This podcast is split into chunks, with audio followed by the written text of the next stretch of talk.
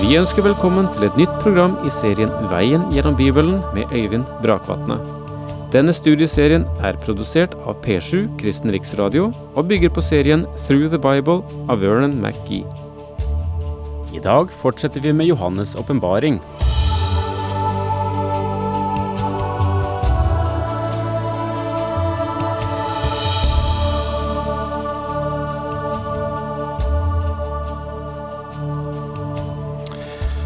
Vi er tilbake i åpenbaringsboken kapittel 21, vers 2. Og som jeg sa sist, så må jeg også igjen få understreke at når vi begir oss inn her, er det helt nye kategorier vi har med å gjøre. En helt ny tilværelse, en ny skapelse, med, som er omgitt av en helt annen ramme omkring livet enn vi har hatt på jorden. Så dette er vanskelig å tenke seg, og det, vi, vi, famler efter ord og begreper eh, når det gjelder også å hente ut det Bibelen har å fortelle oss, og um, plassere det inn i um, den riktige forståelse eller riktigst mulige forståelse av hva det nye livet vil innebære. I dette andre verset møter vi det nye Jerusalem. Det er Jerusalem som skal være menighetens tilholdssted. Jeg så den hellige by, står det i vers to. Det nye Jerusalem stiger ned fra himmelen fra Gud, gjort i stand og pyntet som en brud for sin brudgom. Og Det synes jeg er et uh, nydelig bilde, og vi har uh, talt uh, litt omkring det, gjorde det sist, om hva som ligger i dette.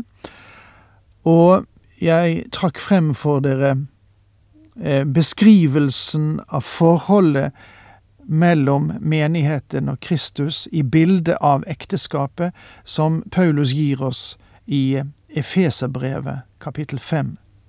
Og likeledes tok vi opp Jesu beskrivelse av den nye tilværelse slik han gir oss det i Johannes 14, vers 2 og 3.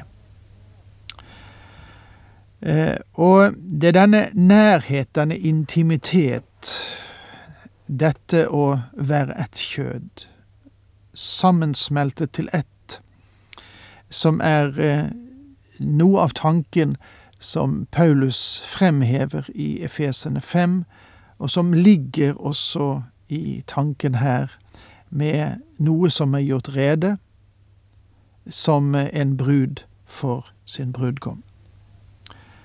Og det er en absolutt sammensmeltning, en absolutt enhet, det er snakk om. Når jeg skader benet mitt, så forsøker jeg ikke å overse det. Jeg gjør alt jeg kan for å ta hånd om skaden og få den lekt. Jeg går til legen, og om nødvendig får jeg gips på, og kanskje det ikke ser så vakkert ut, og jeg skulle ønske jeg kunne legge benet fra meg hjemme så jeg slapp å vise den stygge gipsen, men det kan jeg jo ikke. Den er en del av meg. For jeg gjør en noe brutal overgang her og sier at på samme vis er det med enn min hustru en del av meg også, hun er mitt kjød. Vi er det samme kjød, ett kjød.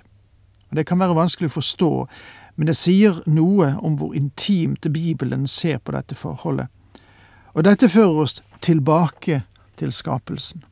Og la oss nå bla oss frem til første Mosebok, kapittel to, vers 23 til 25 og der det står slik, Da sa mannen, dette er da ben av mine ben og kjøtt av mitt kjøtt. Hun skal kalles kvinne, for av mannen er hun tatt. Derfor skal mannen forlate sin far og sin mor og holde seg til sin hustru, og de to skal være ett. De var nakne, både mannen og hans hustru, men de skammet seg ikke. De var nakne, og de kjente hverandre. Det var et intimt og et meget personlig fellesskap. Etter at et par blir gift og de har sin første krangel, så snur de ofte ryggen til hverandre, og han blir ilter og såret, tar dyna med seg og legger seg på sofaen, og så undrer de seg på hvorfor det er splittelse eller spenning i deres samlivsfellesskap. Når foten din blir syk, så overser du det ikke. Du blir ikke sint på benet ditt. Du sparker ikke med det. Gjør du det, så kan det bli verre. Det du skal gjøre, er så å gjøre alt du kan for å helbrede det og få benet bra igjen. Og Det er årsaken til at også unge ektepar aldri bør ha en krangel uten deretter å sette seg ned og snakke om det. Og Jeg tror at en hustru bør være meget åpen og frimodig overfor sin ektemann og si om alt, hvordan hun føler det, og hvordan han har såret henne, og hva hun tror er galt, og han bør gjøre det samme. Du forstår at de er ett kjød. De er ett. De er blitt ført sammen i dette meget intime og svært vidunderlige fellesskap, der en mann forlater sin familie, sin far, sin mor og sine søsken. Han er nå knyttet til en kvinne, og de er ett kjød. De har startet en ny skapelse, om du forstår meg rett. Og det er det fellesskapet ekteskapet skulle være. Det er alltid herlig å se en familie der mann og hustru ikke har noe som skiller dem. Hun kjenner ham og leser ham som en bok, og han leser henne som en bok. De ganske enkelt kjenner hverandre, og de elsker hverandre. Før vi når dette fellesskapet, og at det opprettes, min venn, kommer det til å ha vanskeligheter i ditt ekteskap. Ganske enkelt fordi Gud skapte oss til et slikt fellesskap. Ekteskap er mer enn en ordning for å leve sammen og sove sammen. Når en mann velger en hustru, og en hustru aksepterer sin ektemann, så må de forstå at de er ett kjød. Og du vil ikke såre deg selv, ditt eget kjød, i alle fall ikke med overlegg for noe i verden. Dette er et stort mysterium, sier Paulus. Men nå, fortsetter han, tenker jeg på forholdet mellom Kristus og kirken. I himmelen skal vi bli ham lik. Johannes skriver, Mine kjære, nå er vi Guds barn, og det er enda ikke blitt åpenbart hva vi skal bli. Vi vet at når Han åpenbarer seg, skal vi bli ham lik, og vi skal se ham som han er, som det står i 1. Johannes 3, vers 2. Vi skal ha et herliggjort legeme i likhet med ham. Vi skal være ett med ham. Vi er en del av hans legeme, og vi skal bli knyttet til ham. Han sa, Jeg går for å berede dere et sted. Der jeg er, skal dere også være. Og det vil bli en forunderlig situasjon å være med ham. Så langt jeg vet, vil ingen andre skapninger, inkludert englene i himmelen, ha et så personlig og nært fellesskap med den Herre Jesus Kristus som vi. Det blir det herlige i det herlige. Gjennom hele evigheten skal vi feire det faktum at vi er med ham, og at vi er blitt knyttet til ham. Og så viser nå dette kapitlet at vi går inn i en ny æra. Fra tronen hørte jeg en høy røst som sa, Se, Guds bolig er hos menneskene. Han skal bo hos dem, og de skal være hans folk. Og Gud selv skal være hos dem. Han skal tørke bort hver tåre fra deres øyne, og døden skal ikke være mer, heller ikke sorg eller skrik eller smerte, for det som før var, er borte. Guds bolig er hos menneskene. Dette er et uttrykk for det nærmeste fellesskap. Johannes skriver i sitt evangelium kapittel 1 vers 14, og ordet ble menneske og tok bolig, eller, som det heter med et annet uttrykk, slo opp sitt telt iblant oss. Nå føres dette inn i herlighetens verden som uttrykk for det nære fellesskap med ham. Gullgatene er ikke det viktigste. Enten det blir det ene eller det andre når det gjelder eh, Når det gjelder eh, gatens beskaffenhet, det kan i og for seg bli det samme. Det som er viktig, er å kjenne til de psykologiske og åndelige verdier som vil være der. De skal være hans folk, og Gud selv skal være hos dem. Mye av det som fyller vårt liv, tas bort. Han skal tørke bort hver tåre fra deres øyne.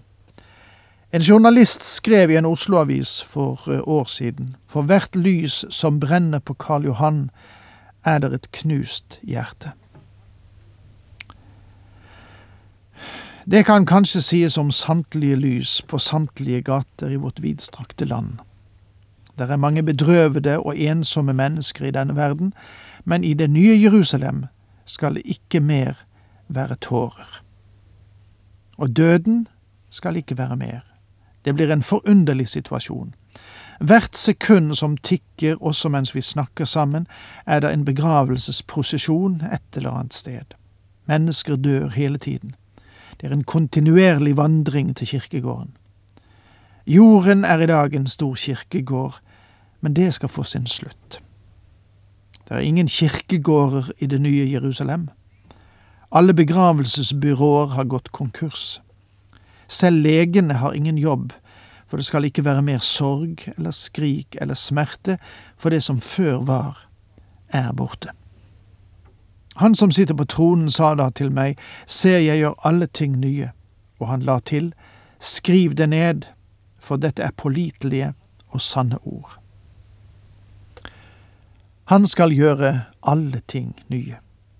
Dette er mer meningsfylt for meg enn noe annet.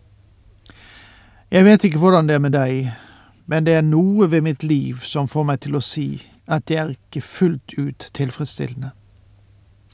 Jeg har kjent meg frustrert, jeg har kjent meg murt inne, og mange av mine drømmer, selv de edleste, er blitt med drømmene, men har aldri blitt til virkelighet. Jeg har aldri blitt det mennesket jeg ønsket å være. Jeg har aldri blitt den ektemann og far som jeg håpet jeg skulle være. Jeg har aldri prekt fullt ut den preken jeg ønsket å holde. Det virker ikke som jeg har nådd frem. Alt det som er oppnådd, synes å ha en flekk ved seg, en mangel ved seg. Men han sier til meg som han sier til deg, jeg skal gjøre alle ting nye. Jeg gir deg et totalt nytt utgangspunkt. Og jeg venter på den dagen da alle ting skal bli nye, også mine forutsetninger. Har du av og til stoppet opp for å tenke på ditt potensiale, på muligheten av å begynne på nytt, lære alt nytt og slippe å forlate ting halvgjort fordi at du fortsetter inn i evigheten? Døden setter en grense for de muligheter, det potensialet som mennesket har her nede, men med evigheten foran seg, hvilke perspektiver hviler ikke da over det frelste menneskets liv? Og her ser vi den herlige mulighet at alt skal bli nytt. Vi kan begynne, og det vil aldri bli slutt på veksten. Husk at det er sagt om Kristus. Så skal herreveldet bli stort, og freden være uten ende, står det i Jesaja 9. Det er en konstant vekst og utvikling. Tenk hva det betyr for fremtiden. En gang skal jeg kjenne noe. Her nede vandrer jeg blant skyggene. Og med det, takk for nå. Herren med deg.